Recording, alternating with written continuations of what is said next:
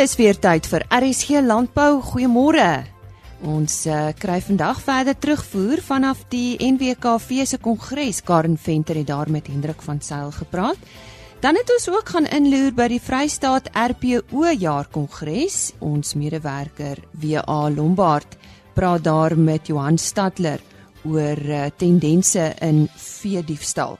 Ons praat oor die waarde van teelwaardes en ook oor navorsing wat gedoen is oor peester siekte veral onder dorperskape.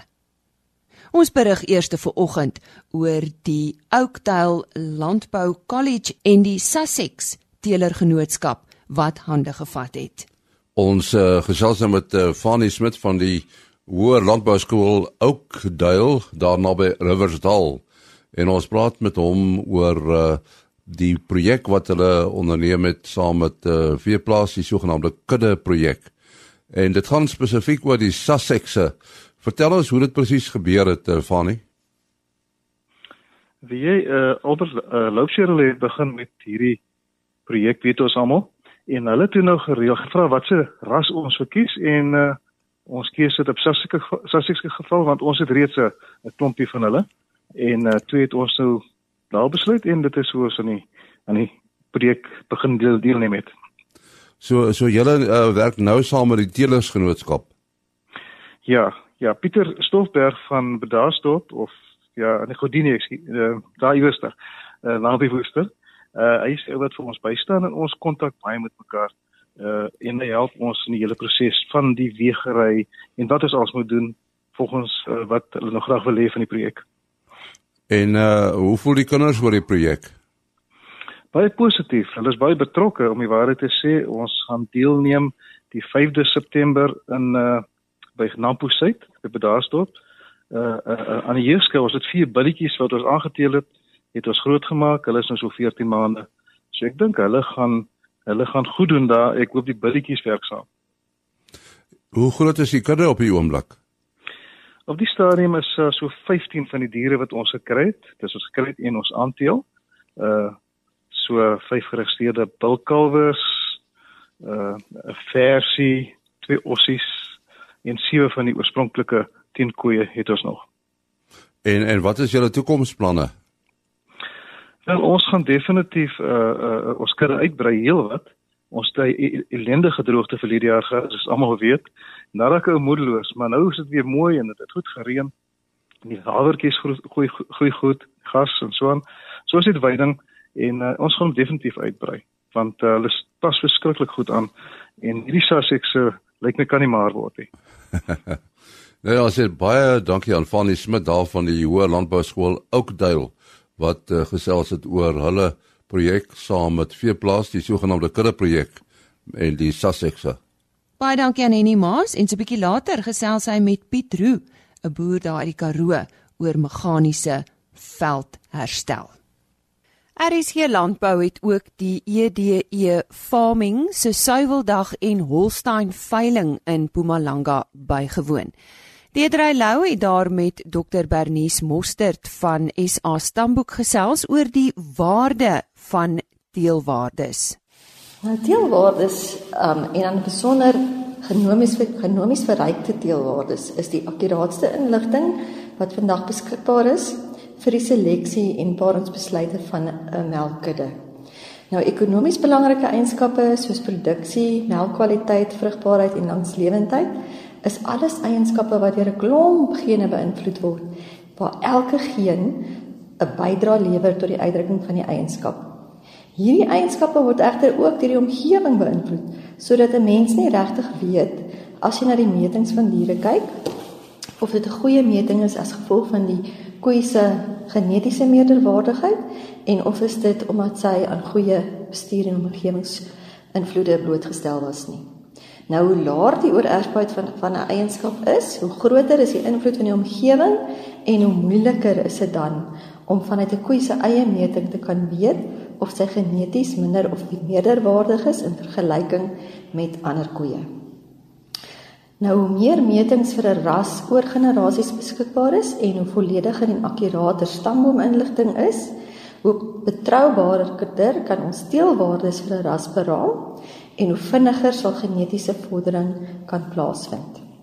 Let egter wel dat die interpretasie van die genetiese kode waar ons genomiese inligting ook nou insluit by teelwaardeberaming net van toepassing is op die populasie waarvandaan die metings afkomstig is omdat omgewingsfaktore gene aan en afskakel en omdat geen frekwensies en genetiese variasie tussen populasies verskil. Nou om genetiese verbetering in 'n kudde te bewerkstellig, is daar 3 stappe of prosesse wat gevolg moet word. Die eerste ene is dat daar 'n teeldoelwit vir die kudde opgestel moet word. Dan is dit baie noodsaaklik dat die kudde se genetiese vlakke bekend moet wees en dan in die derde plek moet doelgerigte parings gemaak word. En verduidelik vir my, hoe stel julle teeldoelwitte op vir kudde? Nou 'n teeldoelwit is 'n plan wat die teeler moet hê waarvolgens hy of sy haar kudde geneties gaan verbeter.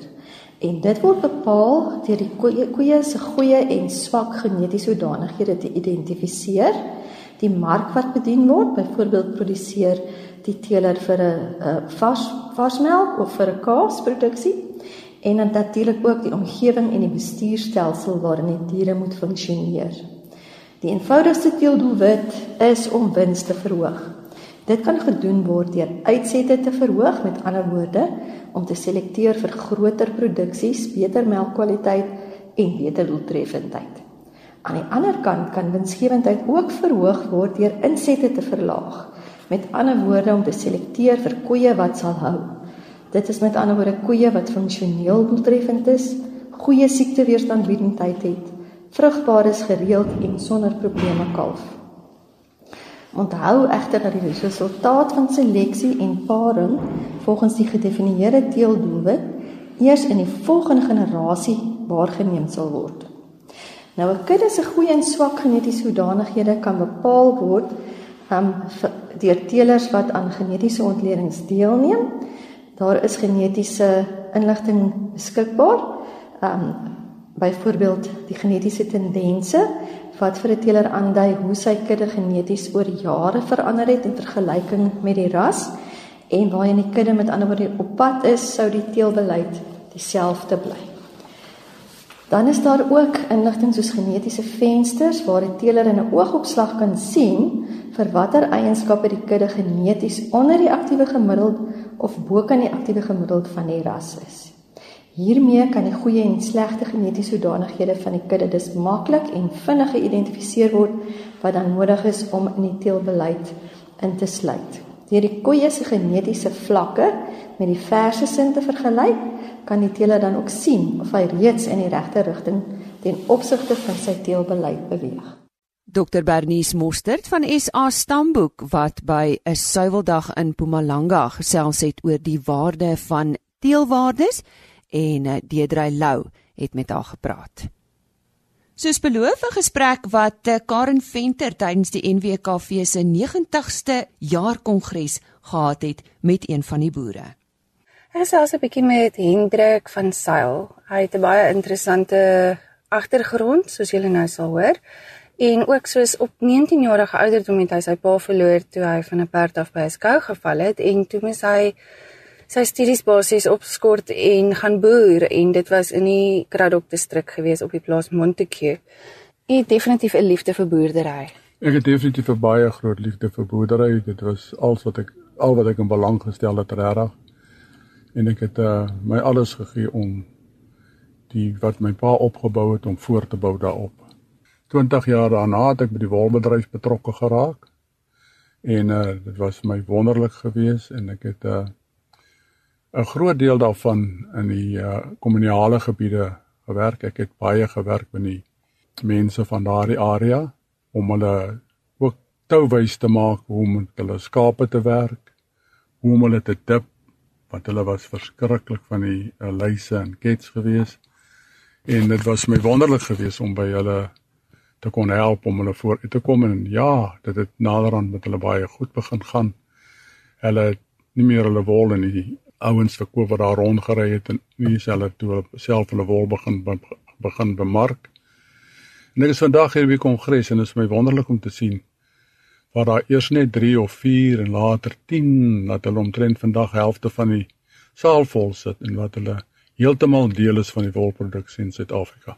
Daar het ek heel baie keer oor see uh, gereis vir die wolbedryf. Ons was in uh, Italië, Frankryk, die Verenigde State, ag uh, uh, van Amerika wat 'n redelike deel van die wol gewees het en na het ek met uh, PKB se, se direksie gewees, ek dink ek het dit gesê. Ek was voorsteur van Cape Wool Suid-Afrika en ek het die hele wêreld deurgery om wol te promoveer en uh om mense bewus te maak van wol en al die kwaliteite van wol wat hulle nie van besef was nie. Dit was my regtig 'n wonderlike voorreg en ek het dit baie geniet. En ek dink dit sal wonderlik wees as ek uh die geleentheid kan gebruik om vir jong boere te sê om deel te word van die NWKV en om voort te bou op die NWKV wat 'n baie sterk organisasie word En uh as hulle dalk vir my wil skakel, my nommer is 083 302 7999. Ek is sal baie opgewonde wees om hulle te kan help of is iets is wat ek vir hulle kan doen. Sal dit vir my wonderlik wees. Baie dankie. Was dan 'n indruk van seil daar in gesprek met Karen Venter. Ons uh, gesels nou met uh, Piet Roo en ons gaan met hom praat oor meganiese veldherstel. Piet, jy moet dalk net eers vir ons vertel waar boer jy presies? Ehm um, en ek boer hier in die Prieska distrik so tussen Britstel en Prieska op die Britstel Prieska pad 100 km van Britstel 50 km van Prieska. Dis my omgewing. So dit is die diep Karoo, né? Nee? Kom ons sê maar so. Ek ek weet daar word mos baie geredeneer oor waar is die Karoo, maar ek afvaar maar ek boer in die Karoo. En hoe lank boer jy al daar? Ek is omtrent 30 jaar wat ek al boer. En uh uit die aard van die saak met skaap, nê? Nee? Ja, nee, wat dit is maar ons wêreld is maar skaap. Ja, die laaste paar jare voor dit nou begin droog word, het ons nogal redelik reën gehad dat baie gras veroorsaak en baie boere het nou bees oorgeskakel, maar ja, nou op die oomblik het die bees nou weggeraak. So ons is nou maar weer terug by skaap. Nou goed, kom ons praat 'n bietjie oor veldherstel, veral meganiese veldherstel. Wat bedoel jy presies as ons sê dat meganiese veldherstel 'n waarde het?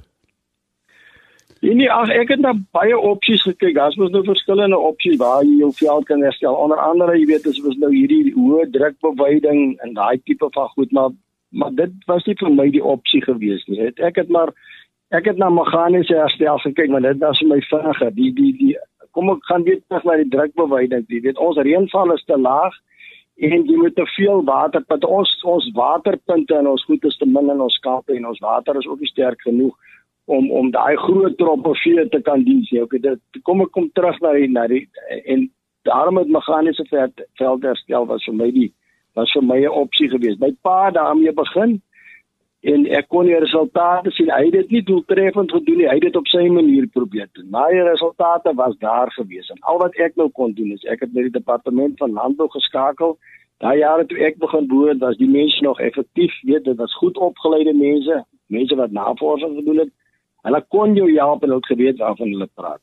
So ek het na die mense toe gaan. Ek het saam met die departement van landbou het ek gekyk na die regte ploeg, die regte ploegdiepte en ek het begin en ek ek weet nie herstel wat ek gekry het was wonderlik. Ja, en hoe lank doen jy nou dit al op die manier? Ek het ek het van vandat ek begin boer het, het ek so bietjies bietjies begin elke jaar, elke jaar. Kyk ek ek probeer streng hou by 'n wissel by by 'n by 'n weidingstelsel. Nou dit is moeilik om die goed in te pas by 'n weidingstelsel want ek weet maar maar dit is dit is eintlik nie moeilik nie, dit is eintlik maklik. Want as jy 'n weidingstelsel het, weet jy watter kampe moet rus en watter kampe moet bewy word. So maar omdat dit jy mos nou in die weidingstelsel, kan jy ook nie te veel op op 'n slag doen nie. Jy doen dit hmm. maar soos soos soos dit in in inpas by jou by jou weidingstelsel. So so wat sien jy eintlik as uh, met die met die veldherstel? Uh jy die Karoo bosie is maar seker die die die kos wat die skape eet, herstel dit ook? Alles hierdie dit is ongelooflik. As jy kyk daar in daai ploegvore wat daar groei dit is ongelooflik. Enige bos wat jy enige karoo bos jy gras enige ding dit is ek meen dit is dit is net ongelooflik om te sien. Maar ek meen dit is alles weet reënval speel 'n belangrike rol. Party jare dan doen ek die die veld, jy weet, veld herstel en dan kry jy nie genoegsaam reën nie, dan kry jy nie daai resultate nie en dan ongelukkig om terug te kom in jou weidingsveld, of voordat daai kamp nou voldoende herstel het, dan moet jy hom nou ongelukkig nog maar weer bewy.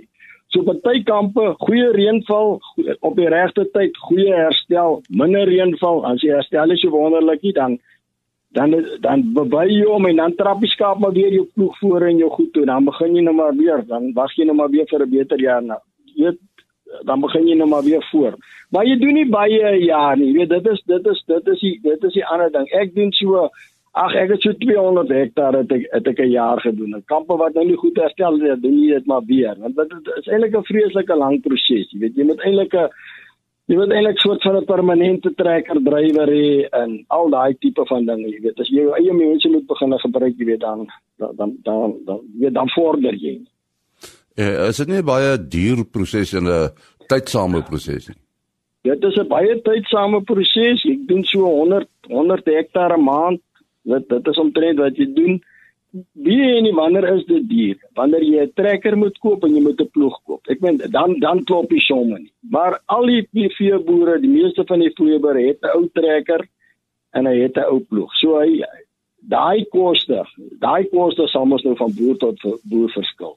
Maar die werklike koste is is ek meen dit is ek die diesel het ek nou gekyk is is omtrent 75 75 rand per hektaar, die arbeid 40 rand herstel en onderhoud 50. So 165 rand per hektaar lopende koste. Ons praat van direkte koste. As as vaste koste sou bykom, ek meen maar dit maak nie sin om 'n nuwe ding te koop nie. Ek meen dit dan gaan jou somme nie meer klop. Ja, ons sê baie dankie aan uh, Pieter Roo wat daar soos jy gehoor het in die diep Karoo boer en uh, hy pas meganiese veldherstel toe. Die Vrystaat Rooi Vleisprodusente Organisasie het ook hierdie maand hulle jaarkongres aangebied en Via Lombard het tydens hierdie kongres met Johan Stadler, hy's voorsitter van die vee diefstal voorkomingseenheid in die Vrystaat oor tendense in vee diefstal gesels. Die meeste wat ons optel deesde is dat hulle bly by jong kalwertjies steel. Ehm um, die gevoel wat ons kry is dat mense dink die diere is ongemerk en dat die diere dan makliker gesteel kan word. Ehm um, daarom ons graag 'n beroep doen op die mense om kalwers so vroeg as moontlik te tatoeëer vanaf 1 maand oud sodat hulle wel geïdentifiseer kan word. Ehm um, ja, dit is nogal 'n verrassing vir die mense as jy oor oopmaak en daar's 'n tatoeëermerk in hom want hy visueel buite kon hy niks sien nie. So asseblief tatoeëer julle diere uh, om dit te voorkom.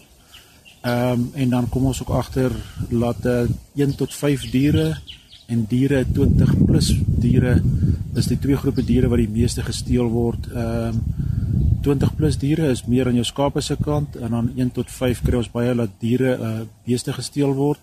En dan ehm um, nog 'n tendens wat in Vrystaat opgemerk het is dat uh baie van die diere wat gekraal word as gevolg van ongediertes en as gevolg van uh veediefstal nou meer geteken word in diefstal ehm um, as wat uit die veld uit geteken word. Ons tweede hoogste is maar nog steeds uit die veld uit dan ook. En dan is dit die derde hoogste plekke wat geteken word is kommunale gronde. Met die met die veilingsseisoen wat amper op ons is of so te sê hieso is in terme van vee verwydering of ouens wat vee veilings toe vat of vee gekoop het en na hulle plaas toe ry, wat is van die dokumentasie wat uh, veeprodusente altyd in plek moet hê? Daar's basies twee dokumente Die een is die veeverwydingsertifikaat, die artikel 8. Dis 'n dokument wat ek dink die meeste boere ken en die meeste sekerlik ook invul. Maar die ander een, jou artikel 6, dit is jou dokument van identifikasie. Dit is basies om jou vee oor te dra na die nuwe persoon toe. En hier praat ons van na veilinge toe, abattoirs toe of enige plek as jy 'n dier gee aan 'n ander persoon verkoop of watter wyse van ontslaa raak, moet daar artikel 6 'n dokument van identifikasie daarmee saamgaan en ek dink die die landbouers of die veeëners is nie altyd uh, so bewus daarvan nie. En dit is een van ons groot probleme. Daar is nie kontinuïteit daarmee nie en dan is daar ook nie uh traceability daarmee nie. Die produsente wat onseker is oor hoe hierdie vorms moet lyk, is daar enige ehm um, webtuistes of plekke wat hulle kan besoek om 'n voorbeeld te, te sien of af te laai self dalk? In die Vrystaat het ons die boekies gedruk. Hy is in drukformaat beskikbaar En dan op die webtuiste is ook voorbeelde van dit op uh die Vrystaat se webtuiste is ook voorbeelde van hoe dit moet lyk. Ehm uh, so dit is beskikbaar. Baie dankie aan Via Lombard. Hy daar gesels met Johan Stadler en hy is die uh voorsitter van die vee diefstal voorkomingseenheid in daardie provinsie en uh, hy het met hom gesels tydens die Vrystaat rooi vleisprodusente organisasie se jaarkongres. Die Julie uitgawe van Veeplaas land so in die hartjie van die winter in ons skote. Hierdie uitgawe is propvol terugvoer oor die wonderlike landbougeleenthede wat die afgelope maande plaasgevind het. Daar's 'n oorsig oor Nampo en die Bloemskou en dan word daar ook gesels oor arbeidstendense en mekanisering. 'n indiepte artikel deur WA Lombard kyk na die indiensnemingsprofiel van die landboubedryf in Suid-Afrika, asook die koste van arbeid teenoor produktiwiteit. Karen Venter het met rolspelers in die marinebedryf gesels oor telingstendense en nog 'n artikel oor skaapboerdery. Kyk na die besigheidsbeginsels waarop intensiewe lamstelsels gegrond behoort te wees. Hierdie uitgawe is ook propvol inligting oor die voeding van veral skaapooeie en die eerste aflewering in 'n reeks oor veldbestuur verskyn ook. Die reeks is geskryf deur bekende weidingkundiges en skop af met 'n oorsig oor veldbestuurstelsels in Suid-Afrika. Die onlangse uitbreking van miltsiekte geniet ook aandag. Miltsiekte is 'n zoonose wat beteken dat mense ook die siekte kan kry. Boere kan hulle self vergewis van hoe hulle die karkasse van diere wat hier aangevrek het moet hanteer om oordrag te voorkom. Die Junie uitgawe van Veeplaas is nou op uitgesoekte winkelrakke beskikbaar. Dr. Ilet Lambregts van die Departement Dierewetenskap aan Universiteit van Stellenbosch is tans besig met baanbrekers navorsingswerk op peestersiekte wat onder skape en veral onder dorperskape voorkom. Koos de Pisani het met haar gesels oor die navorsing en wat boere te doen staan as die probleem in hulle ramtrop ingetrek word. Dokter, eh, wat is die definisie van peestersiekte? Peestersiekte is die ehm um, grootskaalse inflammasie van die voorste punt van die penis wat ons sê is die glanspenis en die omringende omgewing van ehm um, ramme wat ons by skape primêr sien. En kom die siekte ehm um, algemeen voor of kom dit deesdae baie meer voor? Hoekom is dan nie voorheen navorsing gedoen uh, oor die siekte nie? Die siekte so in die 1970s primêr in die Calvinia area ehm um, eerste aangeteken. Ehm um, sedertdien het die siekte redelik wyd hierdie dan versprei. Ehm um, daar het reeds al een of twee boere in die Swellendam omgewing van laat weet hulle oeye en ramme het dit onderlede. So dis nie meer net by uitstekke siekte wat tot die Noord-Kaap provinsie waar meeste van ons dorpe voorkom uh voorkom nie. Dit is is letterlik 'n siekte wat in die dorpe nasionale dorpe bevolking voorkom. Kon jy al uitvind wat is die rede hoekom dit onder die dorpers meer voorkom as by ander skaaprasse? Ons is nog nie op die punt om te sê wat maak die dorpe ras spesifiek geneties anders as ander diere waar hulle nie dieselfde weerstandsbiedende vermoë het as semme van ons inheemse skaaprasse nie die werk wat ons nou in die tweede fase van die projek gaan doen sal hopelik vir ons uh een of twee tree nader bring aan die punt waar ons kan sê maar wat is uh die rede hoekom dorpes meer vatbaar is en is dit organismes wat by voorkeur in hulle reproduksiesisteem voorkom um en en wat 'n mens dan, dan daaromtrent kan doen. Julle is tans besig met intensiewe navorsing oor die uh peester siekte. Um het julle al op by oplossings uitgekom uh om uh rondom die siekte? Die dis heeltemal te vroeg. Ehm um, die PC siekte, daar was lank terug twee werksgroepe. Hulle het nie so uh, groot werklik vir uitgang gemaak in terme van navorsing, 'n stapie nader aan 'n oplossing nie. En dit die navorsing het vir baie jare lank stil gestaan. So in 2013 het ons weer die toue opgetel. Ehm um, en dit is maar navorsing wat lank vat want baie van die inligting wat ons genereer is bio-informatiese inligting wat nog 'n bietjie tyd vat om te prosesseer en dan by ehm um, die bevindinge uit te kom. Um oplossing nee, ons hoop om by die einde by 'n oplossing uit te kom, maar dit gaan nog 'n paar 'n uh, paar uh jaar of so neem, ongelukkig. Ja, so jy sê dit dit gaan uh, nog 'n hele rukkie neem, maar wat kan jy nou al sê wat kan 'n teeler doen om peestersiekte in sy uh, rampgroep te bekamp?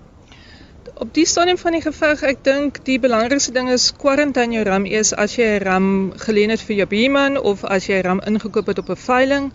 Um, ons weet ons ken almal die waarde van kwarantyne en gewoonlik uh, daar is 'n bietjie variasie van hoe vroeg die of hoe vinnig die simptome kop uitsteek by die ramme party binne 2 dae party binne 2 weke. Um, ons weet die kwarantyne tydperk is gewoonlik om 2 weke en 'n klein bietjie langer. Um, die beste is sit jou ram in kwarantyne, ondersoek hom daagliks en kyk of jy van die weggee simptome waarneem en dan weet jy ten minste jy moenie die ram in jou kudde sit nie.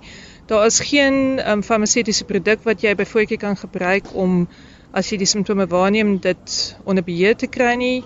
Daar is boere wat dit daadwerklik die skede was elke 2 uh, elke dag vir 2 weke maar die ram bou nie immuniteit op nie. Hy kry dit die volgende jaar maar net weer. So, ehm um, quarantine die beste op die oomblik en maak maar net seker dat jy jou diere gereeld inspekteer beide jou ram en jou oeye dat jy dit hulle dophou vir simptome.